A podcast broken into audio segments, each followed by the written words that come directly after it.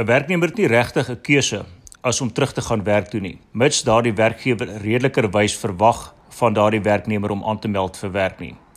'n Moontlike vrees om in die toekoms dalk die virus op te tel is nie genoegsame rede vir 'n werknemer om te weier om terug te gaan werk toe nie.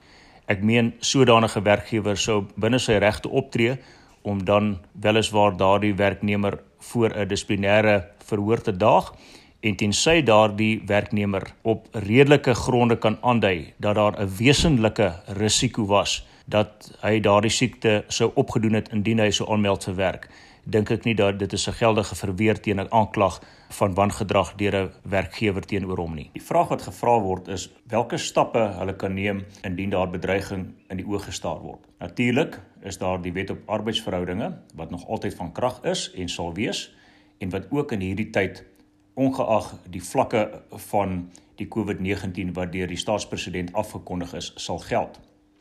daarmee saamgelees geld natuurlik nog steeds die wet op basiese diensvoorwaardes en al hierdie wetgewing het niks verander nie en bly steeds van krag. Na my mening behels dit 'n balanserings uh effek.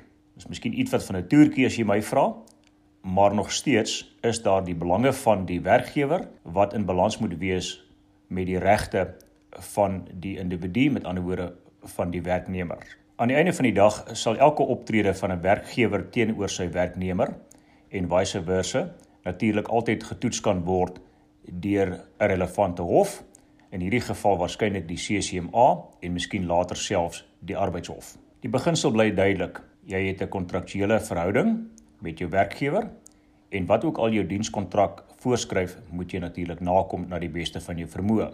Dit is natuurlik altyd onderworpe aan die basiese beginsel van enerzijds billikheid deur die werkgewer en andersins natuurlik 'n uh, veiligheid. Jou veiligheid en die van jou medewerknemers is natuurlik voorop en onderhewig aan die regulasies wat gestel is wat nie buite rekening gelaat moet word nie, moet daardie beginsels gehandhaaf word. Ek voorsien dat alle werkgewers in elk geval wat wetgewing aanbetref tans geforseer sal wees om toe te sien dat die werknemerskorps se veiligheid voorop gestel word. Met ander woorde, dat daar altyd sanitêre maatreëls in plek moet wees om voorsiening te maak dat hulle nie onnodig hulle blootstel aan kontaminasie nie. Enige individu wat geafronteer voel deur sy werksomstandighede of deur moontlike onbillike optrede deur sy of haar werkgewer, moenie aarsel om natuurlik hulle prokureur te nader vir regsadvies nie. Die howe bly derentyd oop en is natuurlik altyd tot die beskikking van sodanige individu om selfs op 'n dringende basis 'n hof te nader om uitklaring te verleen aan die interpretasie van 'n sekere regulasie en of omstandigheid wat plaasvind by die werk. Die ander waarheid is doeteenvoudig dat daardie individue wat vakbonde het, natuurlik dit onder die aandag van hulle vakbond verteenwoordigers mag bring en daardie persone sal uit die aard van die saak dit verder voer. Daar is geen klinkklare reëls in hierdie tyd nie. Elke saak moet natuurlik kasuïsties benader word. Elke feite stel verskil en geen antwoord kan deur die bank vir alle omstandighede geld nie.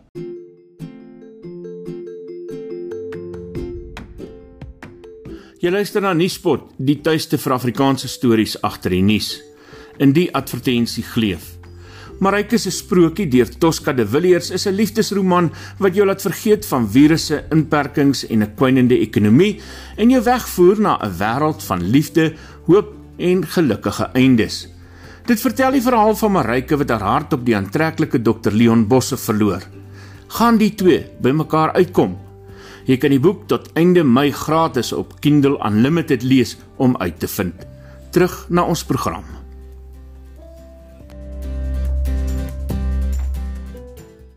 Baie van die vrae te kan antwoord moet ou teruggaan na die basiese kern of basiese beginsels van hoe 'n werknemer en werkgewer verhouding ontstaan en hoe dit gereguleer moet word. Nou as ou kyk na die ontstaan van 'n werkgewer-werknemer verhouding, is dit in 99% van die gevalle is die ontstaan daarvan te danke aan 'n 'n kontrak tussen die werkgewer en werknemer.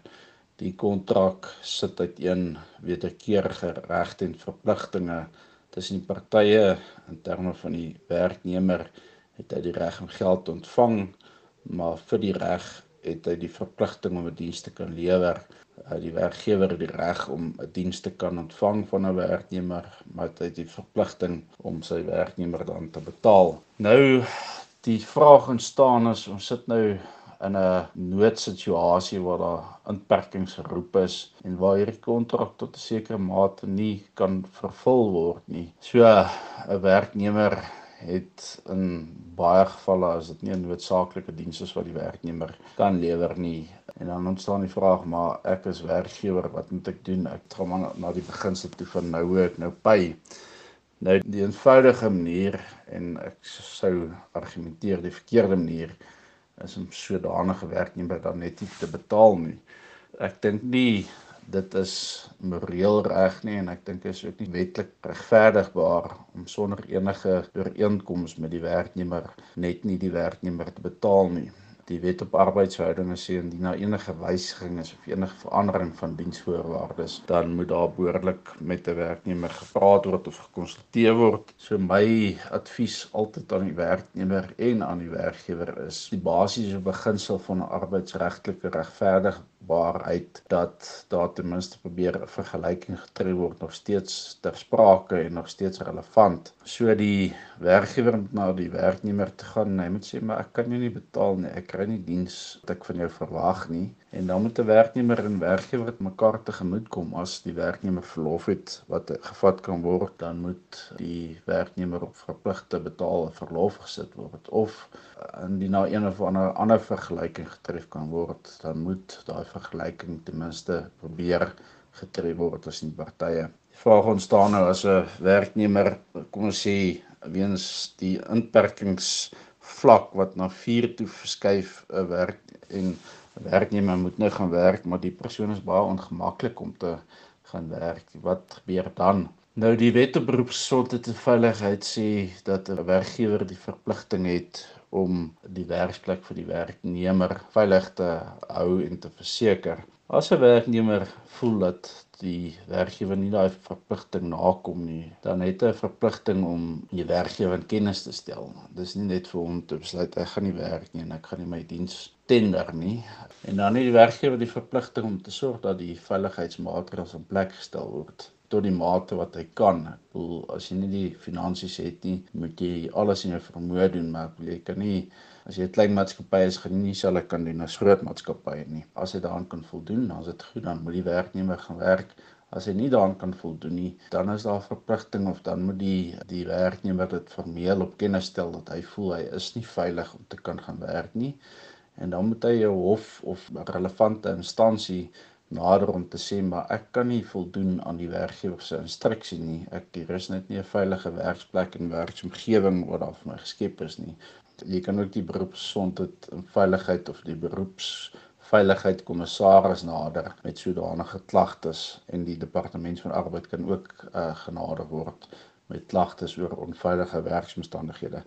As die werknemer alles in sy vermoë gedoen het om die werkgewer in kennis te stel en klagtes is gelê en die werksplek is daadwerklik op 'n objektiewe basis gesien as onveilig, glo ek nie 'n werknemer hoef te kan werk en moet gaan werk nie en glo ek die hof sal aan sodanige persoon se guns beslis.